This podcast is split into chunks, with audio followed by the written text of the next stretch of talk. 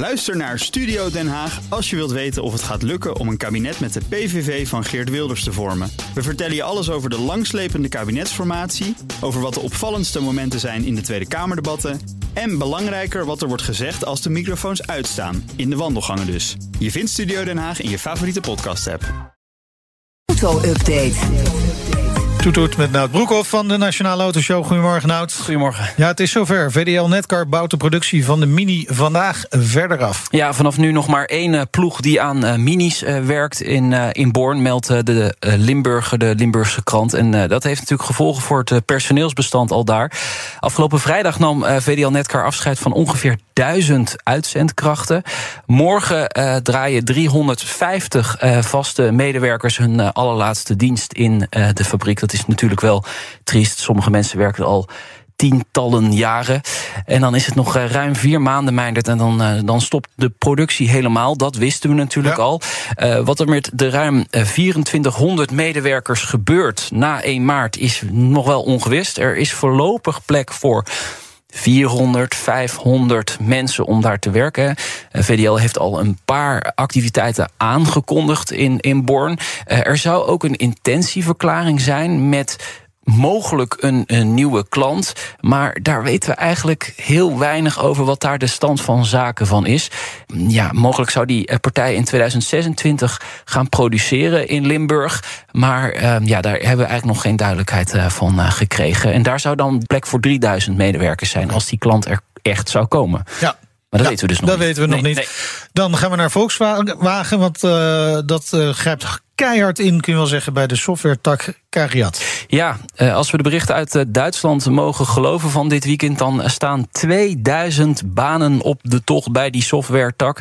Ja, weet je, er, er zijn al veel langer problemen bij die divisie. Hè. Vraag het maar aan de bereiders van de ID3. Ja, nee, maar dan zou je juist zeggen, dan ga je investeren in die software. En ja. nu gaan ze alleen maar afknijpen. Uh, dat hebben ze ook gedaan, uh, maar dat is uh, niet goed gekomen. En dus is er een nieuwe baas aangesteld, Peter Bosch. niet te verwarren met de voetbaltrainer.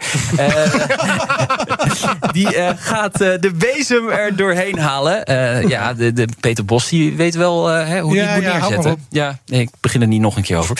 Nee, de gevolgen van zijn ingreep zijn nu echt wel heel erg groot. Want hij gaat er echt met de bezem doorheen. Dus die 2000 mensen die gaan eruit. En ja, de komst van het nieuwe so softwareplatform ja, loopt dus ook weer vertraging Hmm. op. Met 16 tot 18 weken.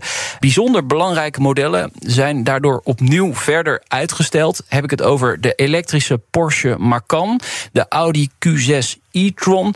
Die komen allemaal later. zijn belangrijke modellen voor die uh, merken binnen de Volkswagen groep. En ook het toekomstige softwareplatform, softwareplatform 2.0. Daar gaan ze helemaal opnieuw oh de ontwikkeling van starten. Want ja, dat is gewoon niet goed. Dus, uh, uh, Volkswagen ja. is groter dan, dan een, een, regering van een land, weet je wel. Ja. Dus als het zelfs Nederland niet lukt om die software goed op elkaar te krijgen.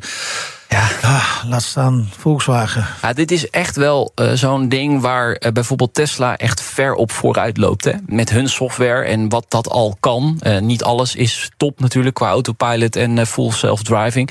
Maar zij zijn wel echt een stuk verder op die software ja. tour. Dus, en, okay. en Volkswagen loopt daar gewoon op achter. En moet ja. echt fors investeren en goede mensen binnenhalen. Dat is natuurlijk ook het ding. Zeker. Gaan we naar Toyota. tot nu toe een recordaantal van 5,6 miljoen voertuigen verkocht. Ja. Werkt ook aan elektrische auto's. Hè. De eerste komen zo langzamerhand op de markt. Ze zijn toch een beetje omgeslagen. Ja. Uh, maar dit is wel bijzonder. Ze werken ook aan elektrische auto's met een versnellingsbak. Ja, met een handbak, dus met een pook en een koppelingspedaal.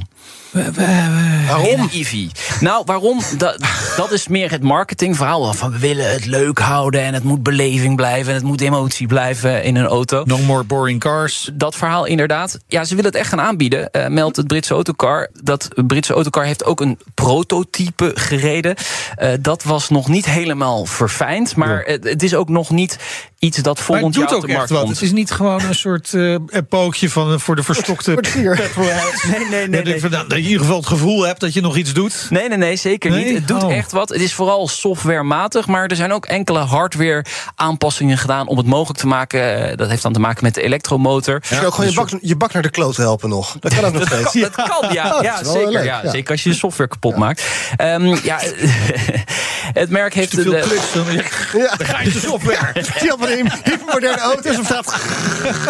Als dat geluid er ook bij. Ja. Heel Ja, het is heerlijk. natuurlijk allemaal een beetje nep. Want er hoeft helemaal geen versnellingsbak in een elektrische auto. Want het is maar gewoon één versnelling. En dat is het. Dus vooruit of achteruit. Juist, ja. Maar ja, toch mooi dat Toyota altijd weer die innovatie probeert te vinden om er ja, dit te, ervan te maken. Eh, het is nog lang niet klaar. Eh, het, moet uiteindelijk in de toekomstige modellen, toekomstige platform van Toyota op de markt komen. En dat is pas in 26, 27 dus.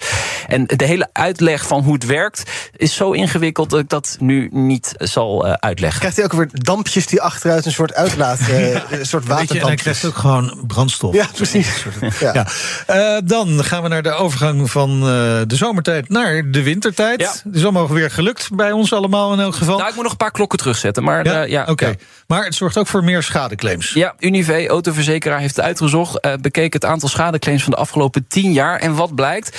De maandag na de overgang eh, Jee. van zomer naar Vandaag wintertijd. dus. Ja, ja, gemiddeld 13 procent. Ook nog dat. te- Zo. 13, 13 procent meer schadeclaims. En in 2021 was het echt immens. Toen was de stijging 40 procent. Dus dat was in het coronajaar.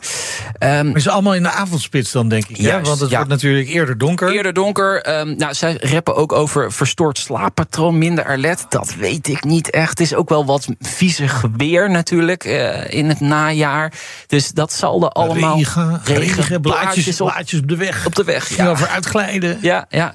Dus, eh, maar 13% Oh. is wel substantieel, 10 jaar, de afgelopen 10 jaar. Dus eh, ja, oppassen geblazen vanmiddag. Toch? Ja, dat lijkt Ja, me wel. Dat lijkt me wel. Het Ja. is vooral de eerste dag na zo'n Oh. zomer naar wintertijd overgang. Gewaarschuwd mens. Ja, telt voor eh, 13% meer. Ja, dankjewel Nout. Graag gedaan. De auto-update wordt mede mogelijk gemaakt door Leaseplan. Leaseplan. What's next? Ook Hugo Reitsma vind je in de BNR-app. Superhandig die BNR-app. Je kunt alle programma's live luisteren, breaking nieuwsmeldingen. Je blijft op de hoogte van het laatste zakelijke nieuws. En je vindt er alle BNR-podcasts, waaronder natuurlijk de belangrijkste, Boeken zijn in de wijk. Download nu de gratis BNR-app en blijf scherp.